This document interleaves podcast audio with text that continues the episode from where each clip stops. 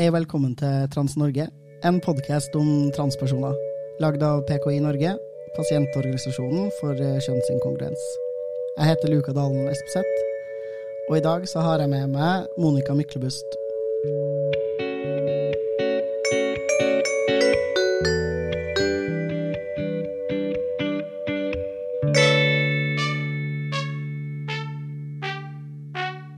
Til våre lyttere, da, folk som ikke vet hvem du er, eh, introduser deg selv. Ja, hallo alle sammen. Mitt navn er Monica Myklebust. Jeg eh, bruker pronomenet hun. Og jeg eh, er eh, ja, hva skal jeg si, tidligere eh, transaktivist. Jeg var med å starte det som nå heter HBRS i år 2000 sirkus rundt da. Ja. Da heter det ikke HBRS, da heter det LFTS, Landsforeningen for transseksuelle. Og jeg var med i det første styret. Sammen med bl.a. Tone Maria, Mikael og mange andre kjekke folk. Og i 2005 så lagde jeg en, jeg lagde en film som heter 100% menneske. Ja. Transaktivist. Ja. Avdanka. Her på podden så er det ingen som er avdanka. Eh, var, jeg hadde eh, etter en sånn temakveld for ungdom i Egersund for eh, i fjor, rett før jul, eh, i desember. Eh, og vi skulle snakke om kjønn og identitet og seksualitet og ja, hvem. Og jeg ble jo Altså, jeg ble så var, Ja, jeg skjønte at eh, tida har gått videre. Og kunnskapsnivået er jo et helt annet enn om, når jeg var på den alderen. De, ja, det var veldig fascinerende. De visste jo mye mer enn meg. Ja, det er min erfaring òg. Ja. At ganske mange ungdommer, i hvert fall hvis de er litt sånn, har noen skeive venner, eller bor i litt urbane ja, strøk, eller, eller, henger mye på internett, så er det bare sånn her De kan ord og begreper som er beyond me. Ja, det var helt, det var helt Ja. Og så måtte jeg tenke på hvem var det, hvem var det hvem var mine, altså, mine første forbilder? Er jo det, altså, Hva lærte jeg om, om, om transene? Det er jo det var i jeg husker jeg fant, eh, fant, det i sånn leksikon og sånne ting, og der sto det jo at det var en alvorlig psykisk lidelse. Og, og så husker jeg at det var enkelte, eh, enkelte reportasjer i Se og Hør. To søstre i Bergen som hadde eh, skifta kjønn, som det het i, den, i de tidene. Eh, nei, det var Ja, tidene har blitt, eh, det har blitt eh, enklere å, å tilegne seg kunnskap, heldigvis. Definitivt. Men eh, la oss eh, snakke om de tidene som ikke var enkle, og som var før. kan ikke du fortelle Ja, ja du leste om det her i leksikon, du så noen artikler i Se og Hør. Når tidsmessig er det her? Hvor gammel var du, og, og når i verden? Nå, dette er i 1994-1995, eh, så det er jo ganske lenge siden. Og da bodde jeg i, i Egersund, eh, og jeg husker jeg var vel 12-13 år første gang jeg på en måte uttrykte at jeg ikke ville være jeg ville ikke være gutt, jeg ville være jente. Eh, I en dagbok som mamma tilfeldigvis leste i. Og jeg fikk jo beskjed om at nei, det gikk, det gikk ikke an. Er du født gutt, så er du gutt forever. For alltid. Sånn er det bare. Hva tenkte du da? Nei, jeg, jeg, vis, nei, jeg, jeg tenkte at det kan Altså, det, det kan ikke stemme. Og heldigvis så var der eh, det, er litt, det er litt morsomt eh, når jeg tenker på det, for det var faktisk ei, eh, ei transkvinne som var på nyhetene en gang, jeg tror det var i 1995 eller 1994 eller 1995, som var på nyhetene som fortalte om sin historie. At hun hadde skifta kjønn, som det heter i de tidene. Hun var ute og advarte mot Rikshospitalet og behandlingen man hadde fått der hun hadde fått på, den, eh, ja, på Rikshospitalet.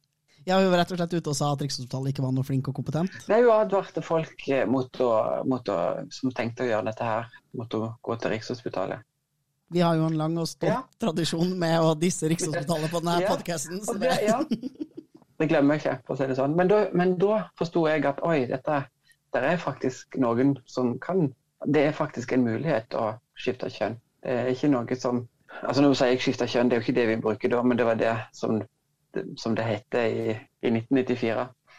Det er litt andre regler for hva transfolk får lov til å si på podkasten min, versus hva cis-folk får lov til å si på podkasten. ikke sant. Så da, da, visste jeg at det, det, det fins en mulighet. Eh, og så kom jeg ut av skapet for alvor i 1996-1997. Og begynte på transitioning i ja, 97-98. Da, da, hadde vi jo ikke internett. vi hadde begynt så vidt med internett. Jeg husker vi hadde hadde EDB-timer på skolen, og da fikk vi lov til å prøve internett. Og det var jo sånn at eh, ja, det tok jo vinter og vår, og det var analoge modem. og ja, Helt annerledes enn nå. Eh, men hadde, det var noe som het SUS-telefonen. eh, telefon for seksuell ung, eller vel, ja, seksualitet, ungdom og et samliv, tror jeg det var.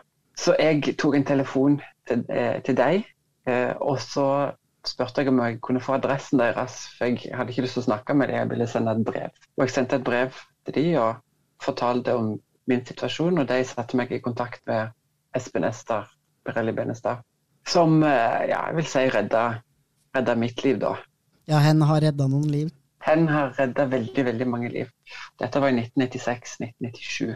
Og så gikk jeg jo der i, i et år, altså i 1997-1998 1998 så var det jo ikke noe vits å sende noen ting som helst til Rikshospitalet før du var fylt 18 år. Fordi de, ja, de hadde jo en absolutt aldersgrense på 18 år. Så da var det jo bl.a. Espen Ester som var omtrent det eneste alternativet. Jeg skulle ønske at jeg liksom 25 år etterpå kunne si at det ikke lenger bare var Espen Øster som var alternativet, men det er jo så nært sannheten nå at det er trist, liksom. Så ja, så ble jeg sendt eh, videre til Rikshospitalet i 1998-1999. Jeg tror jeg hadde mitt første møte med Ira Haraldsen i 1999. Jeg har to spørsmål. Det første er mm, ja. Da du gikk hos Espen Ester, fikk du noe faktisk liksom, hjelp? Fikk du starta på hormoner og sånn, eller var det bare liksom, samtaler? Espen Ester ville nok ikke starte med det pga. Rikshospitalet. Jeg tror det var ganske likt da som det er nå. At man, eh, de ville ha hele kontrollen og ja, de ville bestemme når du skulle få begynne på hormoner. Du måtte gjennom den utredningen. Så det er jo ganske, det er ganske likt nå som det var da. Ja, det er bemerkelsesverdig når jeg hører veldig, på veldig eh, kidsa ja. i dag, da, som er på Rikshospitalet, hvor lik historiene deres er historiene til dere som var der på 80-, og 90- og 2000-tallet? Det har ikke skjedd en, en eneste en, en endring. Jeg, tr jeg, trodde at når Bertol eh, tok kvelden og Ira Haraldsen begynte å forske på et eller annet annet, at eh, det skulle være en mulighet for at ting skulle kunne bli litt bedre. Men det virker jo, som det, altså det virker jo ikke som det er Det er jo fremdeles ingen endring, etter så jeg har forstått. Nei, altså, jeg syns det er så fascinerende. Ja, det er veldig fascinerende, fordi altså, det er en endring. Det er flere folk som får helsehjelp, utredninga er litt kortere. Du kan f.eks. være homo nå og få hjelp. Du kan, få hjelp, ja. Ja, um, du kan ha ønske om barn og fortsatt få hjelp. Og det er en del ting som, fort, som er mulig, da, som faktisk ikke gikk an. Så, ja, ja.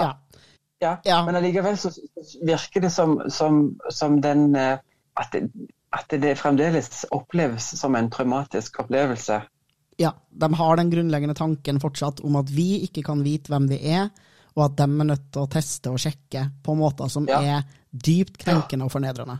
Ja, det skulle ikke kunne gå an i 2021, men det, dessverre så Jeg er jo også så heldig i enorme hermetegn at jeg har fått lov til å ha Ira Haraldsen som behandler. Kan ikke du ta oss ja. med inn på denne Ditt møte med Ira Haraldsen anno 1999.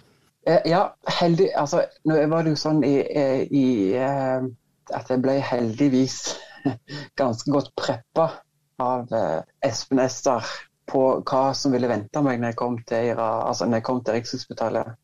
Sånn at jeg, og heldigvis, ville jeg sagt. For hvis, hvis, hvis, hvis, man kommer der til uten at måte man er litt forberedt på det man skal gå gjennom, så tror jeg det kan bli en ganske sjokkerende opplevelse. Jeg var heldigvis eh, eh godt forberedt. Eh, jeg må òg få si det at eh, Espen Ester har jo alltid vært veldig diplomatisk altså i begynnelsen, altså i sine uttalelser. Og han, han, prøvde jo liksom å si det Han prøvde å si det på en veldig fin måte. At eh, ja, det, litt, det kan være litt utfordrende å møte på disse menneskene på Rikshospitalet. Jeg ble, jeg, ble godt, jeg ble, godt, advart, heldigvis. Det var et, det var et ganske heftig møte med, ei, eh, med en ja, Alle som har møtt Ira, vet at hun er jo ganske intens i måten hun er på. Veldig eh, Altså, jeg satt der og følte meg som Jeg følte meg veldig beglodd. Hun snakket lite, hun styrte veldig mye. Og, og forventa vel egentlig at jeg skulle fortelle alt om meg sjøl, uten at jeg hadde veldig lyst til det. Og hun var ikke en person som inviterte, inviterte så veldig til å ville at man skal ønske å åpne seg opp. Hun hadde med seg bikkja si, hunden sin, på de to første møtene. Og Det syns jeg var veldig fint, for den hunden eh, hadde iallfall evnen til å vise på en måte eh, empati. og hunden kom, Ja, men det er ikke, det er ikke tull. Hunden kom bort og, og la, la hodet i fanget og ville ha kos. og jeg syns den hunden var mye hyggeligere enn Ira Haraldsen, for å si det sånn. I love you. Eh, ja, men det er ikke ja. Eh, og det synes jeg, det, altså For de som lurer på hva, de som hører på podden og lurer på hva problemet er, altså hva, hvorfor er vi så veldig kritiske til, til Rikshospitalet?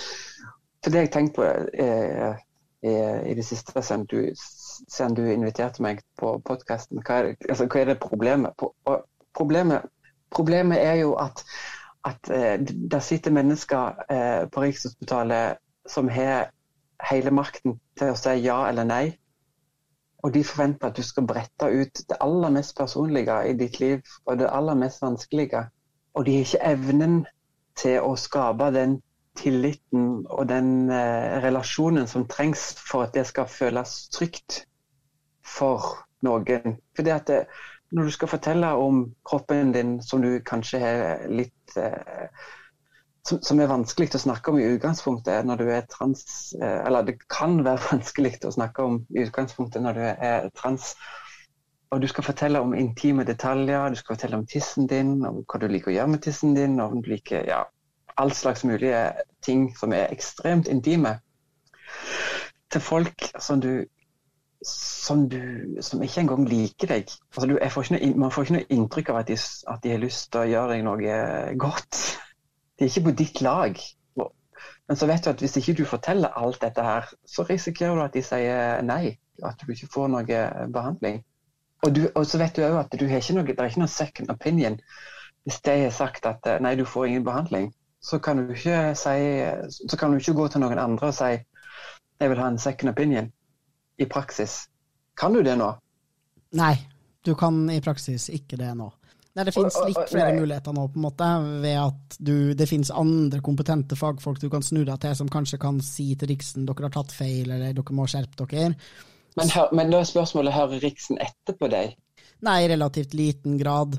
Men jeg har, altså, jeg har hørt om flere nå som på en måte har blitt OK, vi kan ta en runde til med utredning, og som så kanskje har fått noe hjelp, da, versus ja. før, hvor de bare var sånn Du fikk nei, og da var det kroken på døra, så fikk du beskjed om at du kunne komme tilbake om mellom fem til ti år og få en ny vurdering fra Rikshospitalet. Og da hadde de jo gjerne avvist deg. Jeg husker som Tarald Stein en gang forklarte meg at uh, han sa liksom ja, de avviste meg jo fordi jeg ikke lekte med liksom stereotype nok gutteting da jeg var liten, og det kommer ikke til å endre seg om fem til ti år. nei, nei, du, nei, det gjør jo ikke det. Det gjør jo ikke det. Jeg hadde jo aldri noe problem med, å snakke med, om alt dette her med Espen Ester. Fordi at han var et menneske som, som du visste at var på de sida. Og som brukte litt tid på at du skulle på en måte føle deg trygg og ivaretatt. Og ja, at, at det skulle være greit å snakke om sine mest intime detaljer. Jeg har aldri følt det som noe traumatisk å snakke med, eller å snakke med Espen Ester. Nei, jeg er helt enig, og det er veldig mange mennesker i mitt liv som jeg har delt veldig intime detaljer og liksom mine innerste tanker og følelser rundt det å være trans, både helsearbeidere, men også liksom andre mennesker. Og det handler jo om nettopp at man stoler på dem, da. At det her er varme, omsorgsfulle mennesker som vil deg godt. Og det er nok en erfaring jeg tror nesten alle som har vært på Riksopptalet har, er at det er ikke alltid de opplever at folk er utagerende slemme eller utrivelige, men det er ingen som føler seg liksom og her kom jeg hjem til et trygt, trygt sted og en varm favn hvor jeg blir ivaretatt, og hvor jeg føler liksom omsorg og omtanke. Det får du mm. ikke på Riksen. Det gjør man ikke. Og jeg, jeg jobber jo selv, jeg er jo selv utdanna eh, anestesisykepleier. Jeg har vært sykepleier i 15 år. Jeg jobber på bl.a. en del på kreftavdelinger.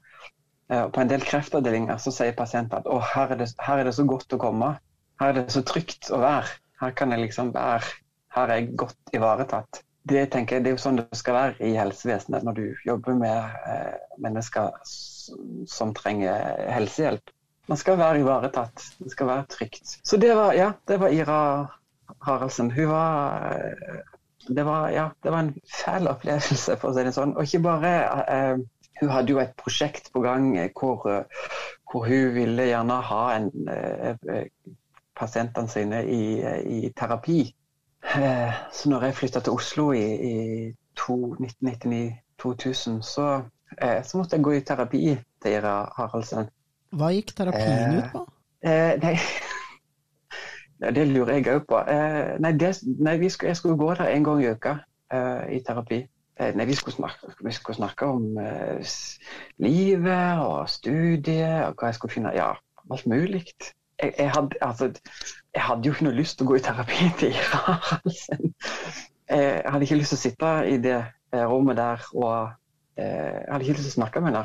Jeg hadde, ingen, hadde, absolutt ingenting å, å, å, snakke med Ira Haraldsen om. Eh, jeg vil ikke fortelle henne, om, altså, jeg vil fortelle henne minst mulig. Det ble faktisk en ganske eh, traumatisk opplevelse. Eh, eh, nei, det var helt, det var helt absurd. Altså, hadde det vært ei flue på veggen der, så hadde det eh, Altså, det var absurd. Jeg tror kanskje det er det beste jeg kan beskrive det. For det meste så jeg tror jeg var der eh, etter tre, time, etter tre terapitimer, så, så, sa jeg rett og slett at vet du hva, jeg, jeg tror ikke jeg tror ikke jeg har behov for å komme og snakke her med deg en gang i uka. Jeg har det greit. Men det var ikke en del av utredninga di, så du kunne si nei til det og fortsatt liksom få helsehjelp? Jeg, det vet, per i dag så vet altså jeg vet faktisk ikke. Jeg fikk bare beskjed om at, eh, at jeg skulle komme en gang i uka til Ira. Eh, da var jeg 19-20 eh, år gammel, så du er jo litt sånn jeg, visste, altså jeg, ville jo, jeg ville jo ikke gjøre noe som kunne sette behandlingen i fare. Så jeg følte jo at jeg måtte stille opp. Jeg vet faktisk ikke om jeg hadde et valg eller ikke. For meg så virka det som at det var, det var sånn Rikshospitalet skulle det var en del av behandlingen å gå i terapi hos IRA. Ja, det er jo notorisk Rikshospitalet, det. Pasientene vet ikke ja, det, når de ja. forsker på, når det er utredning, hva som er behandling. Nei. Ingen forstår noen ting. Nei. Men spennende med de årstallene du nevner nå, fordi det her er jo rundt ja. den perioden hvor det skjer ting med Rikshospitalet sitt behandlingstilbud, og også hvor eh, HBRS, gamle landsforening for transseksuelle, starter opp. Kan yes. ikke du fortelle oss hva det som skjer fra ditt perspektiv de årene her?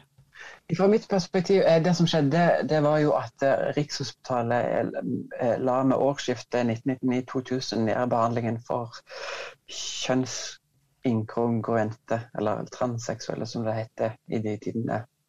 Fordi at de ikke fikk eh, altså øremerka midler til å utføre disse behandlingene. De mente på at dette, altså dette, måtte føres opp som en egen eh, behandlingspost på budsjettet. Og når de ikke fikk de eh, midlene, så, så, valgte de å legge ned eh, behandlingstilbudet i 2000. og da ble HBRS, eller LFTS, kom det i sving. første styret ble satt, og, vi gikk ut politisk, prøvde å påvirke. vi, vi var i Stortinget flere ganger. Fikk vi prøvde å gjøre litt sånn lobbyvirksomhet. Eh, vi fikk god kontakt med daværende helseminister Tore Tønne. Eh, etter hvert eh, Dagfinn Høybråten òg. Og politiker som heter Olav Gunnar Ballo, var veldig, var veldig støttende til oss. Og, og, vi fikk opp spørsmål i Stortingets spørretime, hva de hadde tenkt å gjøre. Ja, Det var ganske mye aktivitet. Vi sto på stand i Oslo sentrum, og vi var i media, og vi var rundt omkring. Jeg skrev brevet til, på EDB-maskiner. ja, så det spruta og prøvde å få i gang eh, behandlingen igjen. Samtidig, eh, samtidig så fortsatte jo på en måte uoffisielt eh, utredningen hos IRA. Fordi at IRA mente jo på at dette her ville Altså dette var, dette var eh, kun et grep de måtte ta for å få sikra finansiering til å kunne fortsette. Ja, så de valgte å legge det ned, og så la de det på transfolk sjøl, og gjøre det i lobbyarbeid og arbeid på å få stabla på plass et behandlingstilbud. Mm. Det, ja, det ble, jo, det ble, jo, i praksis sånn det ble. For, for da Altså, jeg, jeg, eh, jeg, var jo satt eller, ifølge, ifølge IRA sin plan da, så, så var det jo meninga at jeg skulle opereres uh, allerede i 2000. Uh, eh, men det ble jo utsatt på uviss tid. Ja, det, ble, det, det var mye. Vi gjorde, vi gjorde en uh, heftig jobb for å få oppmerksomhet rundt det, og for å få politikere til, eller for å få det inn på budsjettet, eller for at det skulle starte opp igjen. Tenkte du eller andre noen gang at det var et alternativ å lobbe for noe annet? Fordi Du forteller jo om at det var eh, flere, deg selv inkludert, som opplevde behandlingstilbudet som dårlig. Men i den situasjonen så opplevdes det kanskje bare sånn ok, de la det ned, det er helt krise, vi må få det opp igjen.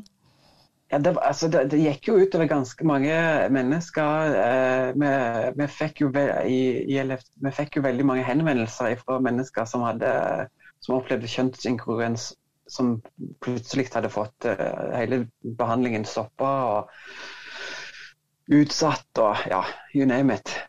Eh, så hovedfokuset var at vi, vi må få stabla, eh, stabla på, på, banen etter Altså, vi må få dette her opp og gå igjen så det ikke går liv tapt. Ja, jeg tenker, og den innsatsen som Håberges gjorde der, den mener jeg er helt uvurderlig. Den jobben dere gjorde der, redda mange liv, og det er ikke sikkert at vi hadde hatt et behandlingstilbud i det hele tatt, omtrent. I hvert fall ikke på mange år, da, hvis man bare hadde latt det gå. Det tror jeg nok ikke. Det kunne fort dratt ut ganske lenge. Hvordan fant det... dere som starta opp LFTS, hverandre? jeg, jeg så Tone Maria Hansen som var daværende, som på en måte ble lederen, eh, på TV på en, et nyhetsinnslag. Og i de tidene så, så, hadde vi jo ikke Det var jo ikke heller internett for noe vi hadde hjemme. sånn. Så jeg måtte ringe Opplysningen 1881 og få tak i navn og adresse til Tone Maria. Så jeg sendte brev per post og sa at eh, jeg vil være med og kjempe for dette.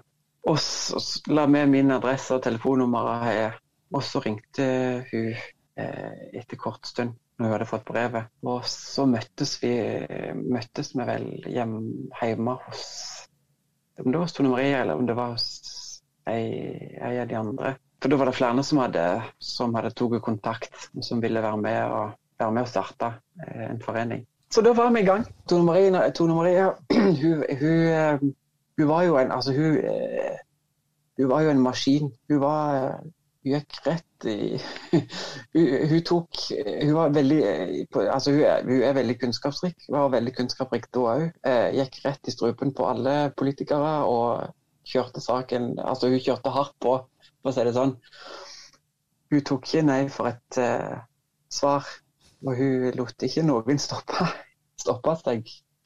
Uh, jeg glemmer aldri første gang vi var inne hos uh, helseminister Tore Tønne. Hun var, hun var kvass hun fikk, eh, fikk ting igjennom og hun gjorde inntrykk. Ja, det var fascinerende.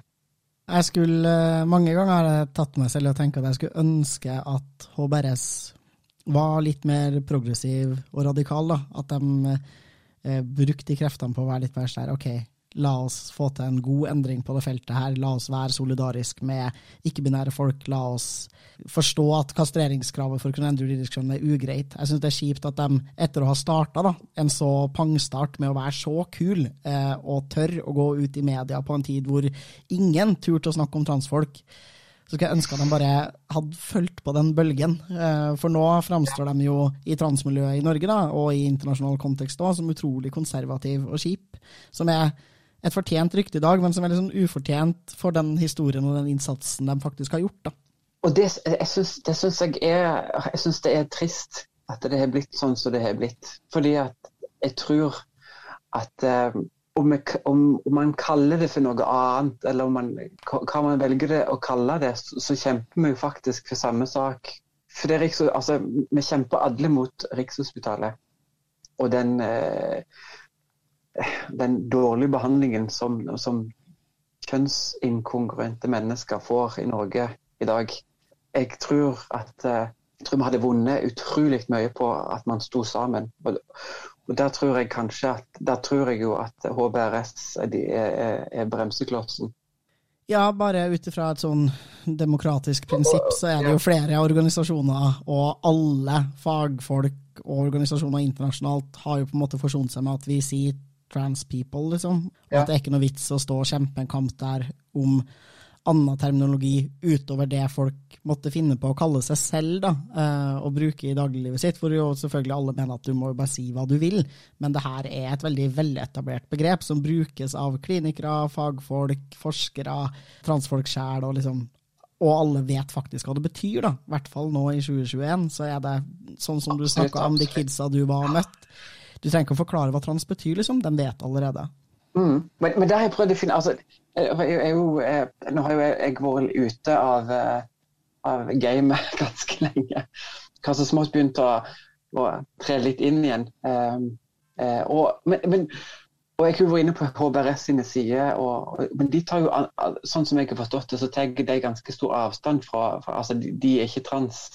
Ja, veldig tydelig ikke-trans. og tar, ja, Men hadde det bare vært ja. semantics, så hadde jeg ikke brydd meg så mye. Men det handler også om en sånn politisk innfallsvinkel hvor man bruker veldig mye ja. tid og energi på å verne om Rikshospitalet, og ønsker at eh, behandlingstilbudet skal være veldig sentralisert, og man er skeptisk og negativ til f.eks. å gi behandling til ikke-binære.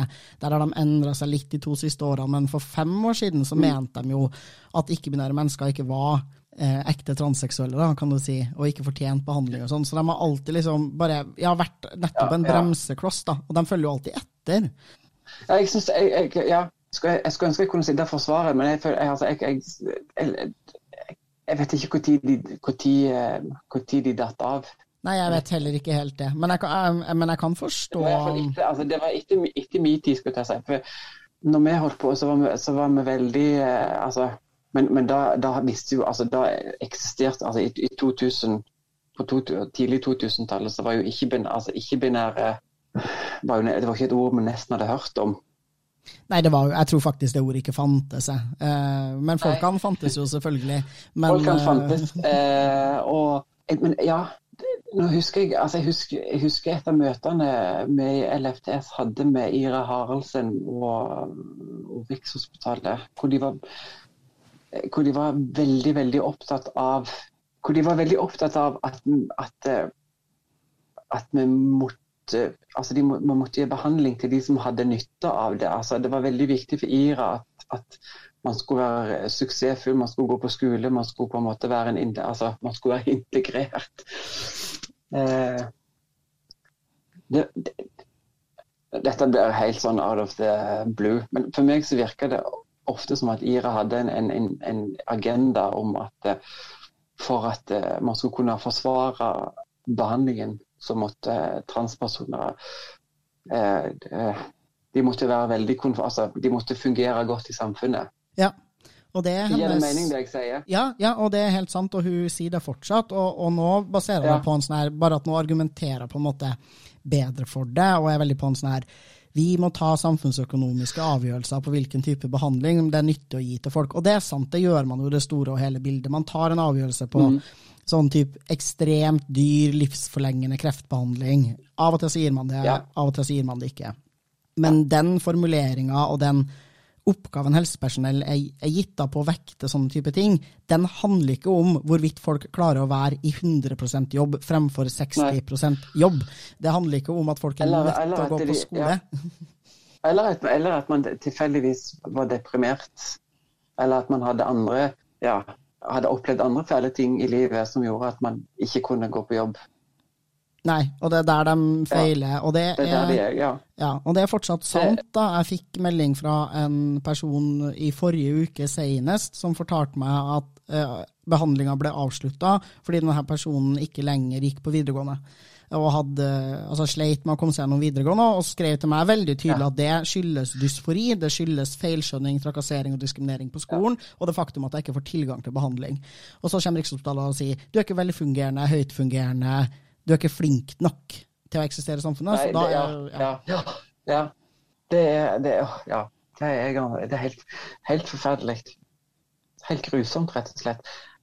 Og så har jeg også forstått eh, i min tid, når, når jeg, eh, før jeg eh, begynte behandlingen, så, så, så var jeg så heldig å, å bli kjent med, med, andre som hadde gått veien før meg. Jeg skled jo veldig lett gjennom eh, Rikshospitalet, eh, rett og slett fordi at jeg laug som faen. Ja, hva slags ting løy du om? Eh, jeg løy om at Altså Altså, vi hadde jo, vi hadde jo, vi hadde jo egne møter i oss på en måte som, som, skulle begynne med de som hadde gått gjennom, hvor vi på en måte fikk tips. og, og vi ble veiledet på hva vi skulle si, hvordan vi skulle framstille det, eh, hva vi skulle ikke fortelle, hva vi kunne fortelle.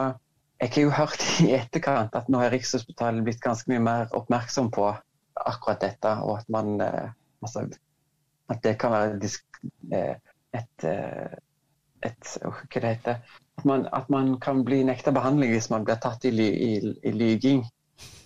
Men det er så feil inngang til problemet med at ja, transfolk lyver, for da forstår de ikke hvorfor vi i utgangspunktet gjør det. De burde jo da tenkt herregud, kanskje vi bare skal gi behandling ja. til folk, også når de forteller en annen historie enn den som vi godkjenner. Som de vil ha. Jeg løy også på Rikshospitalet. Vi er levende bevis på at mennesker kan lyve på Rikshospitalet og vite hva som er riktig, få kjønnsbekreftende behandling og leve gode liv og være fornøyd med det valget. Absolutt. Absolutt. Jeg løy hva jeg løy om. Ja, jeg, jeg, jeg eh, fortalte f.eks. For aldri om at jeg er veldig glad i båter. Jeg elsker å være på sjøen. Jeg kan kjøre hva som helst, bare det er en motor og en girspak. Så kan jeg kjøre hva som helst.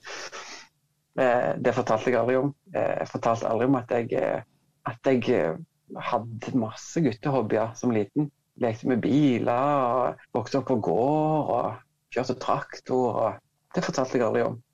Det var nok lurt? Ja. Nei, fortalte alltid alt det korrekte. At ja, nei, jeg likte bare å leke med dere og var veldig feminin og alt, alt, alt det rette, fortalte jeg. Og da skled man jo ganske greit gjennom det var ikke før, det var ikke før etter jeg var si, ute av Rikshospitalet og ferdig med alt, hvor jeg opp, oppdagte, eller hvor, jeg, hvor, det gikk opp for meg at, at eh, hvor mye av hvor, hvor, stor hvor mye energi man bruker på å, på, på å gjennomgå den behandlingen, og hvor, hvor, traumatisk det faktisk er.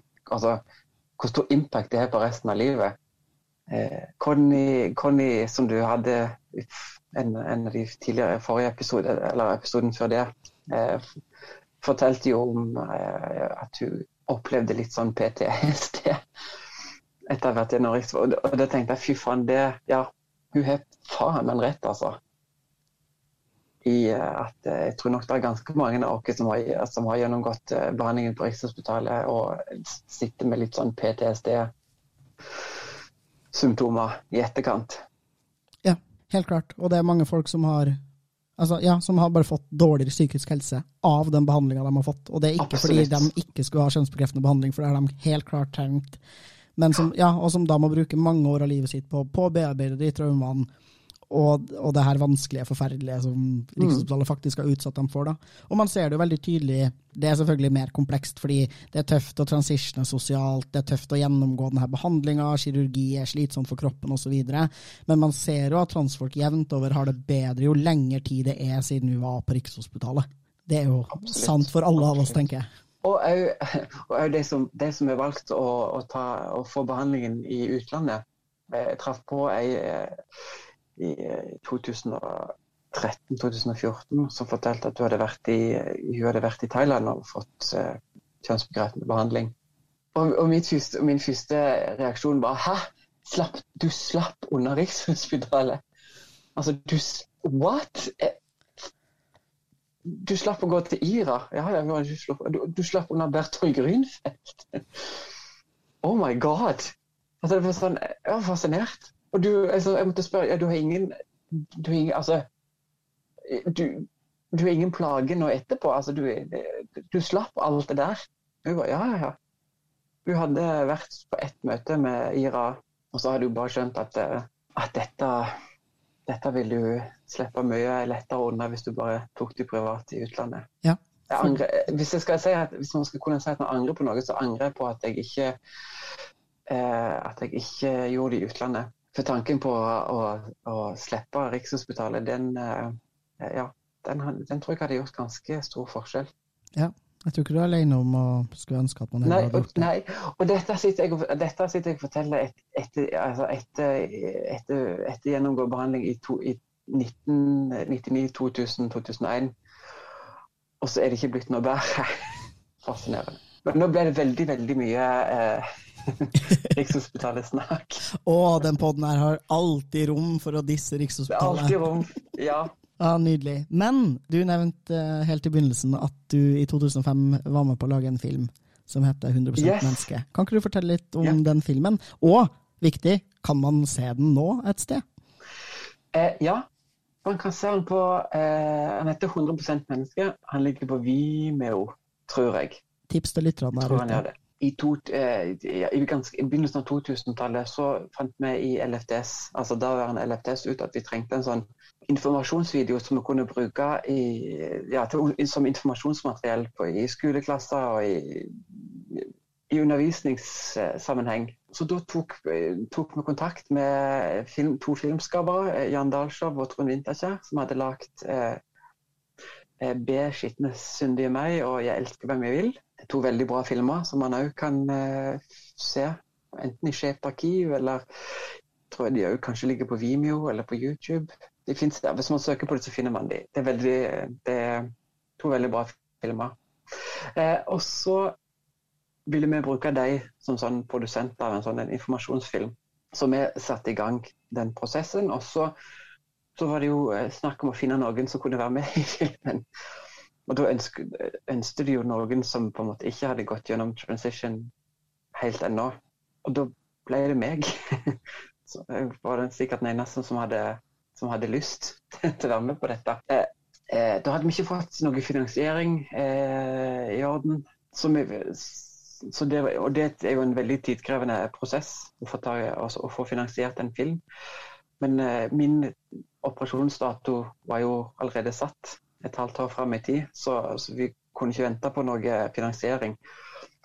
Eh, så jeg fikk et eh, videokamera, og så begynte jeg å lage videodagbok spilte inn uh, snutter hver dag. Og, eller ja, jeg hadde lyst. Fortalte til videodagboka om mine tanker og følelser ja, prosessen og transition og, og sånt. Og så Og så viste det seg jo at, at uh, vi fikk ikke finansiert dette her. Det ble ikke noe finansiering. Uh, men da var allerede de to filmprodusentene såpass gira på dette her, så de lurte på om vi ville være med Om om de kunne få fortsette dette prosjektet som en uavhengig eh, film. Altså uavhengig av HBRS eller LFTS. Eh, så da sa jeg ja. Og så fortsatte vi videodagbok, og så gjorde vi en del diverse ja, innspilling av ting og tang. Og så, så ble det en film som havna på kino og på TV. TV 2 i 2005. Ja. Hvordan var liksom reaksjonene fra verden, samfunnet, folk rundt deg når denne filmen kom? Eh, eh, reaksjonene var veldig, veldig bra. Eh, det, ja, det, det, var faktisk Jeg tror kanskje det var en av de første filmene eh, på en måte med sånt videodagbokperspektiv. Hvor jeg hadde faktisk lagd mesteparten altså mesteparten av filmen var jo meg som filma meg sjøl. Eh, og dette var jo før eh, Facebook. Det kom vel i 2006-2007. Ja. ja. Så, så, så, sosiale medier var jo ikke så eh, Man fikk tekstmeldinger som tilbakemelding. Eller man fikk e-post, eller man fikk kort i posten, eller Jeg tror kanskje denne filmen hadde, altså, hadde dette her vært i dag, så hadde det jo Det er jo et enormt mye større trøkk på, på de som er annerledes i dag, enn det det var eh, Eller minoritetsgrupper i dag. Eh, så er jo sosiale medier ja, det, er jo heftig. Eh, man får jo ekstremt mye kommentarer. Men det ser man jo bare på, på de som skriver kronikker, dere som skriver kronikker, eh, uttaler seg i sosiale medier, i media generelt. Man får jo enormt mye kommentarer. Og mye av det er jo skikkelig eh, Det er jo veldig mye drit. Ja. Ja. ja. Det er så mye drit at jeg, jeg har jo, jeg har jo hevet meg litt på kommentarfeltene sjøl. Jeg, jeg, er litt sånn Jeg blir litt matt. Det, det var det ikke Kommentarfelt eksisterte ikke når filmen kom ut. Hvilket betyr at de som gadd å sende eller skrive en tilbakemelding, eh, måtte jo gjøre en litt større innsats.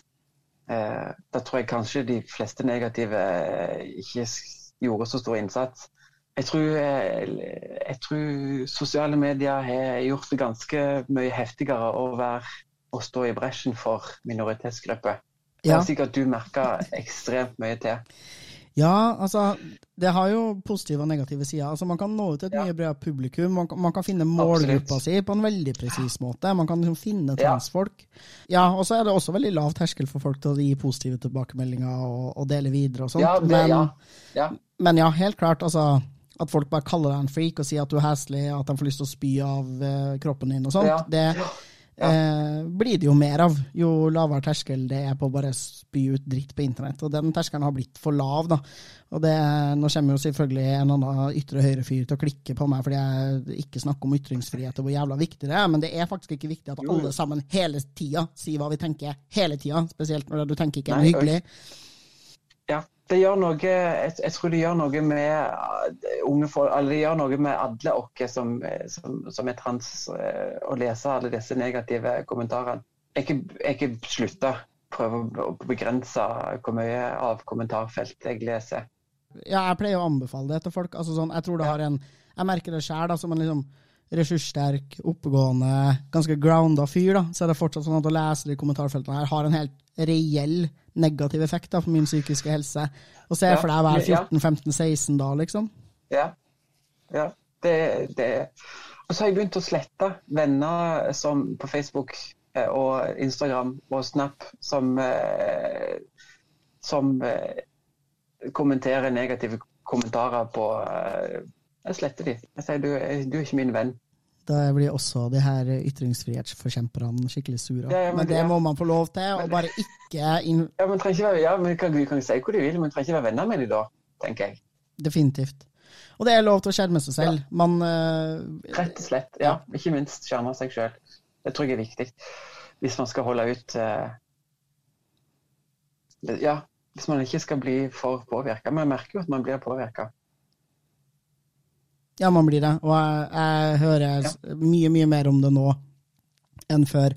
Uh, ungdommer og unge folk som uh, avstår fra å skrive kronikker, som ikke tør å delta i debatten, som blir slitne av det offentlige mm. ordskiftet, som uh, slutter å lese aviser og, og bare fjerner seg da, fra de her plattformene hvor de her diskusjonene foregår, fordi det er så negativt og så belastende for dem. da. og det er jo ikke en sånn derre oppegående samtale hvor vi diskuterer reelle problemstillinger som om vi var voksne, reflekterte mennesker. Det er jo Vi blir jo regelrett hata på og snakka om i så fornedrende ordelag at det er helt utrolig at noen av oss i det hele tatt gidder å svare, fordi det, er så bullshit, liksom. Uh. ja, det er lov å være sint her på podkasten. Ja, ja, det er faktisk, ja. ja. Jeg skulle ønske at man tenkte seg litt mer om før man, eh, før man Jeg har jo ja, det, det, kanskje, det har jeg, jeg, har prøvd å gjøre det til en, altså, til en vane sjøl. At jeg eh, tenker meg to, omgang, to, to, ganger om før jeg kommenterer noe. Altså, Er dette her en nyttig kommentar, eller er det ikke? Jeg, jeg har jo lyst, jeg har veldig lyst til å skryte av denne podkasten. Det må jeg lov til å gjøre på denne podkasten. Jeg syns denne podkasten har vært jeg, jeg gleder meg til hver eneste nye episode. Og for Takk. meg som, som gammel traver, eh, så har det nesten altså, det som dere har gjort, det som, det som, har, det som denne podkasten har betydd for meg, har vært nesten sånn, nesten sånn Ikke komme ut på nytt, men en sånn eh, eh, renewal. eh, for jeg syns dere eh, Denne podkasten altså, den gjør så mye positivt rundt, eh, rundt eh, det å, å, å bruke ordet trans. Skjønner du hva jeg mener? Ja. Altså, Måten dere har snakket om det, måten, problemstillingene dere har tatt opp, har iallfall gjort for meg at jeg, at jeg, at jeg har fått et nytt syn på meg sjøl og tra, ordet trans. At det er faktisk det er faktisk et ord som, eh, som vi må bare fortsette å bruke. Helt, eh, og, og spesielt de episodene dere har hatt om transfobi. og du har sagt noe som jeg syns gjorde veldig sterkt inntrykk på meg. og Det er jo når du sier at, eh, at vi, vi, må ikke gi oss før, før, det å være trans er like mye verdt som det å være cis. Den syns jeg den, der, den satte jo hele standarden. Og det tenker jeg at det, det må jo være mantraet. At det, det skal være like mye verdt. Og den dagen det blir det, så skal ikke jeg drive og mase så mye om cis og trans. nei. Men, den, nei. Men det, det, vil jeg bare si at det, det har vært eh, en fantastisk podkast. Takk. Eh, siden jeg er en podkast og dere ikke kan se meg, så har jeg nå tårer i øynene og rødme, og eh, syns det er veldig veldig stas og hyggelig å høre. Jeg blir, ja. jeg blir skikkelig glad for det. Ja. Eh, jeg bruker jo unektelig en del timer hver uke på denne poden, eh, og da er det veldig ja. godt at det har noe og betyr, da, ikke bare for liksom nye folk, eh, men også de gamle traverne som du tilhører. Og eh, jeg ja. ønska jo primært at dette skal være en podkast som skulle være nyttig og fin for transfolk, fordi jeg er så lei av, selv om den er educational, mm. jeg vil at cis-folk skal høre på den, så jeg er så lei av at vi alltid skal ja. tilpasse oss dem. Og de var liksom catere til behovene deres. Jeg var sånn her, jeg vil lage en podkast som transfolk syns det er gøy å høre på. Og det, og det har du klart. Yes og Alexander, da, han er også med å lage den. Ja, ja, absolutt. Ja, herregud. Ja, absolutt. Den har, ja, den har, den har blitt ganske Ja, jeg gleder meg til hver episode. Og jeg har lært så sykt mye sjøl. Takk. Er det noe mer du har liksom tenkt Å, herregud, jeg gleder meg sånn at jeg skal på poden, da skal jeg si det her og det her og det her. det er sikkert masse. Jeg kommer til, jeg kommer til å komme på alt etterpå. Det er kjekt å sitte på Zoom, men det hadde pinadø vært enda kjekkere å sitte live. Jeg syns det her Zoom-greiene det Hvis du er i Oslo anytime, så har jeg studio her hjemme på soverommet, som du kan se i bakgrunnen, men jeg har også et studio jeg kan låne, eh, sånn at man slipper å være på ja. soverommet mitt. Men du jobber ikke som sykepleier nå? Jo, jeg jobber som sykepleier. Å oh, ja, men jeg tror du jobber offshore. Yes. Du er sykepleier offshore, selvfølgelig. Man er sykepleier. Jeg jobber som, ja. Jeg jobber som sykepleier offshore, ja. Er det gøy? Eh, ja. Altså, jo, det, ja, det er veldig kjekt. Det, det, den eh, eh, måten å jobbe på passer meg eh, veldig bra. Eh, ja, det passer. Jo, jeg syns det er kjempekjekt. En, en, av, de dårlige virk, eller en av bivirkningene etter å ha blitt eh, dratt gjennom Rikshospitalet, det er jo at jeg har fått en sånn Jeg har fått helt fnatt for at folk skal eie, eh, bestemme over mitt liv. Eh, fullstendig Altså, jeg får helt noia når jeg tenker eh, Når folk skal bestemme hva jeg skal gjøre med min tid. Og det er jo litt sånn dumt. Det er litt dumt, for man må jo faktisk jobbe for å tjene penger. Og, man, og da må man jo bruke litt tid. Så jeg er jo jeg er sikkert alle altså Jeg er sikkert drømmesykepleieren. For jeg er jo den som sier at nei, jeg vil helst ikke ha full stilling. Eh, og jeg vil helst ikke være fast ansatt. for jeg vil ha Jeg vil ha um, Jeg vil ha jeg vil ha kontroll over min tid mest mulig sjøl. Det tror jeg er en ettervirkning etter å ha blitt dratt gjennom Rikshospitalet. Og, og da passer det veldig fint å jobbe offshore. For her jobber vi intenst i 14 dager.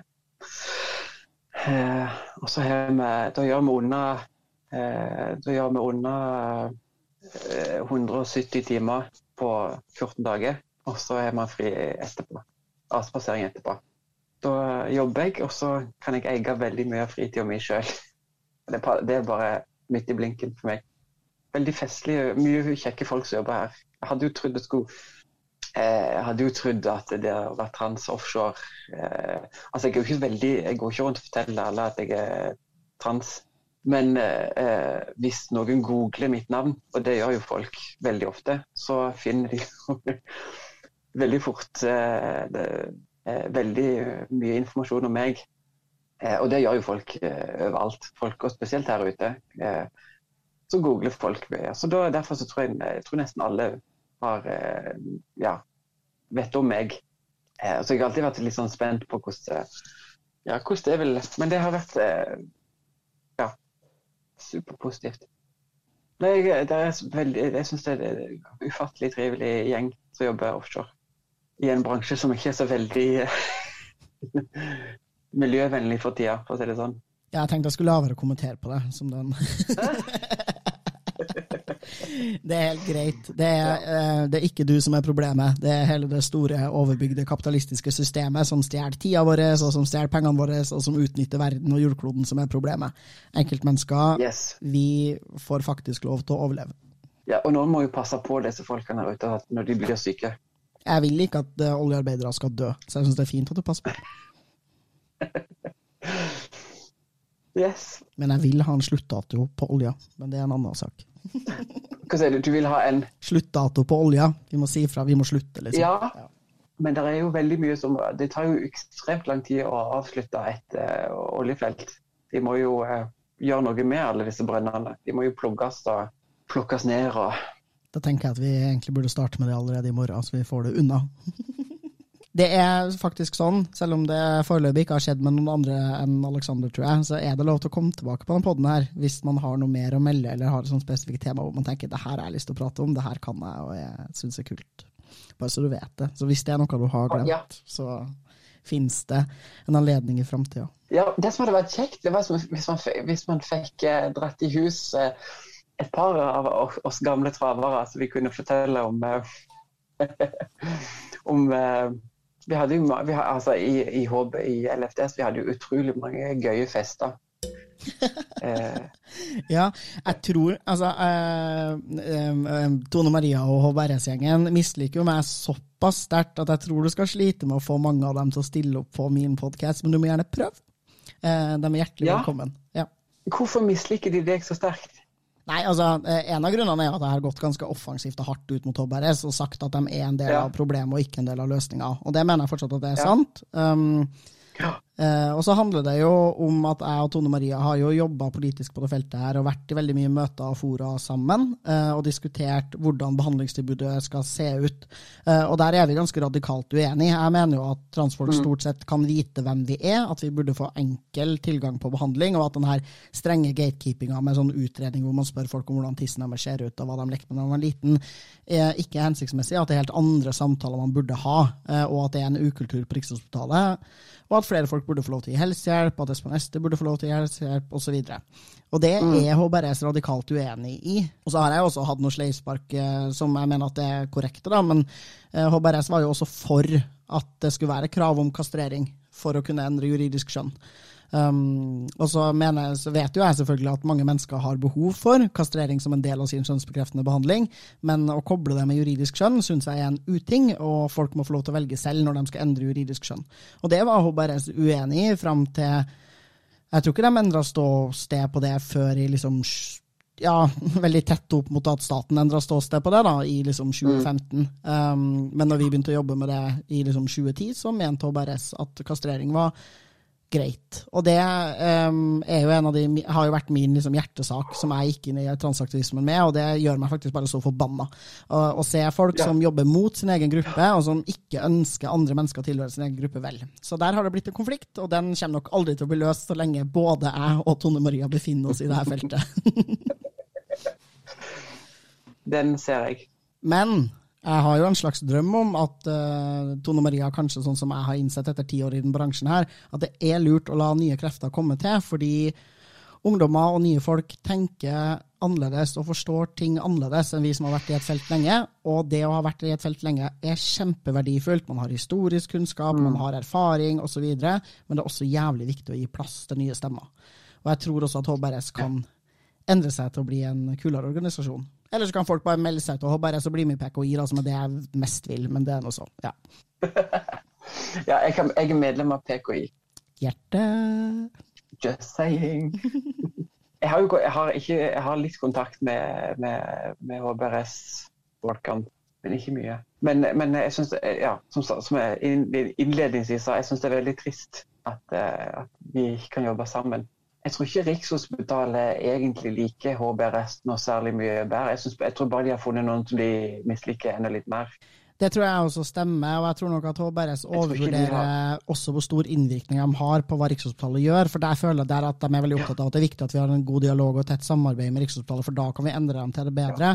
Men jeg tror man etter 20 år med såpass lite endring Nei, man må innse at Det er du faen ikke klart på 20 år, så jeg skjønner liksom ikke helt uh, den Altså, det Nei, jeg tenker at uh, Rikshospitalet har lurt HBRS litt der, og sagt at de er veldig på lag uten å egentlig være det. Um, det er min opplevelse av det, faktisk. Sånn ville jeg òg tenkt. Jeg tror ikke de behandler Jeg tror ikke, de, jeg tror ikke Rikshospitalet spør om du er medlem av PKI eller HBRS, og hvis du er medlem av HBRS, så får du veldig mye bedre behandling. Nei, det tror jeg ikke, men jeg hører at ganske mange opplever at behandlerne vil diskutere sånn eh, politikk med dem på måter som er ugrei. Uh, så det kan nok faktisk hende at det å være politisk aktiv i PKI, i hvert fall hvis du er liksom tydelig ute i media og, og har sagt imot Rikshospitalet, ikke er positivt for din mulighet til å få behandling. Og det erfarer jeg også at ganske mange som er i behandlingstilbudet, som forteller meg helt hårreisende historier, vil ikke snakke om det offentlig fordi de er redd for at de ikke skal få behandling. Og når de er ferdige, så er de jo så traumatisert og slitne at de ikke orker å snakke om det da heller, så de vil bare komme seg videre i livet. Uh, som jo er veldig trist, for da mister vi jo veldig mange mennesker med veldig fersk kunnskap om hvordan det er å være på Rikshospitalet. Ja. Men ja, let's call it a day. ja, let's call it a day. Ja, ja. Jeg tror ikke det blir bra før, eh, før man jeg tror ikke det blir bra før man faktisk får et, et reelt eh, tilbud om second opinion. Så lenge de har den sentraliserte funksjonen, så kommer det aldri til å bli bra. De kommer alltid til å bestemme alt. Ja, jeg mener at man faktisk må bare kutte ut Riksopptalet og bygge det opp på nytt igjen. Eh, og da som et mer desentralisert system med flere avdelinger og instanser og flere folk. Ja, og, og flere folk som faktisk eh, som har eh, Altså få, få, inn transfolk i, eh, med, med, utdanning og, og kunnskap til å, å, være med og bygge det opp. Og til å sitte i det at Espen Ester Pirelli Binstad ikke er en sentral del Jo. Ja, men det er fordi hen er trans selv. Hvis Espen Ester hadde vært en cis-person, så hadde han vært den ledende fagpersonen på dette feltet i Norge, og hadde fått lov til å styre det helt selv, omtrent. Eh, men fordi han er trans, så ja. Vi skal ikke lytte til transfolk når det kommer til ting som handler om livene våre. Det er jo den gjennomgående holdninga, rett og slett. Vi er med Rikshospitalet. Whoop, Famous last words. Ja. Eh, det var uh, skikkelig hyggelig å ha deg på poden. Det var veldig trivelig herregud, å prate med deg igjen og høre hvordan du har det, og hvordan livet er. Uh, og selvfølgelig også veldig veldig hyggelig å få skryt for podkasten. Det blir jeg veldig glad for. Jo, det er velfortjent skryt. Og tusen takk for at jeg fikk være med. veldig kjekt. Veldig, veldig kjekt. Og jeg gleder meg til fortsettelsen av podkasten. ja, vi snakkes. Ha det bra. Snakkes. ha det. Tusen takk for at du var med oss i dag. Jeg heter Luka Dalen Espeseth. Takk til Martin Skjold for den nydelige Trans-Norge-musikken. Takk til Thomas Westervold Hansen for den grafiske profilen til podkasten. Følg Trans-Norge der du lytter til podkaster for å få med deg alle episodene av podden. Spre veldig gjerne ordet om podden hvis du liker den, og rate oss i podkast-appen din. Følg PKI på Facebook og Instagram, og meld deg inn i PKI på nettsidene våre www.tjomsynkongruens.no.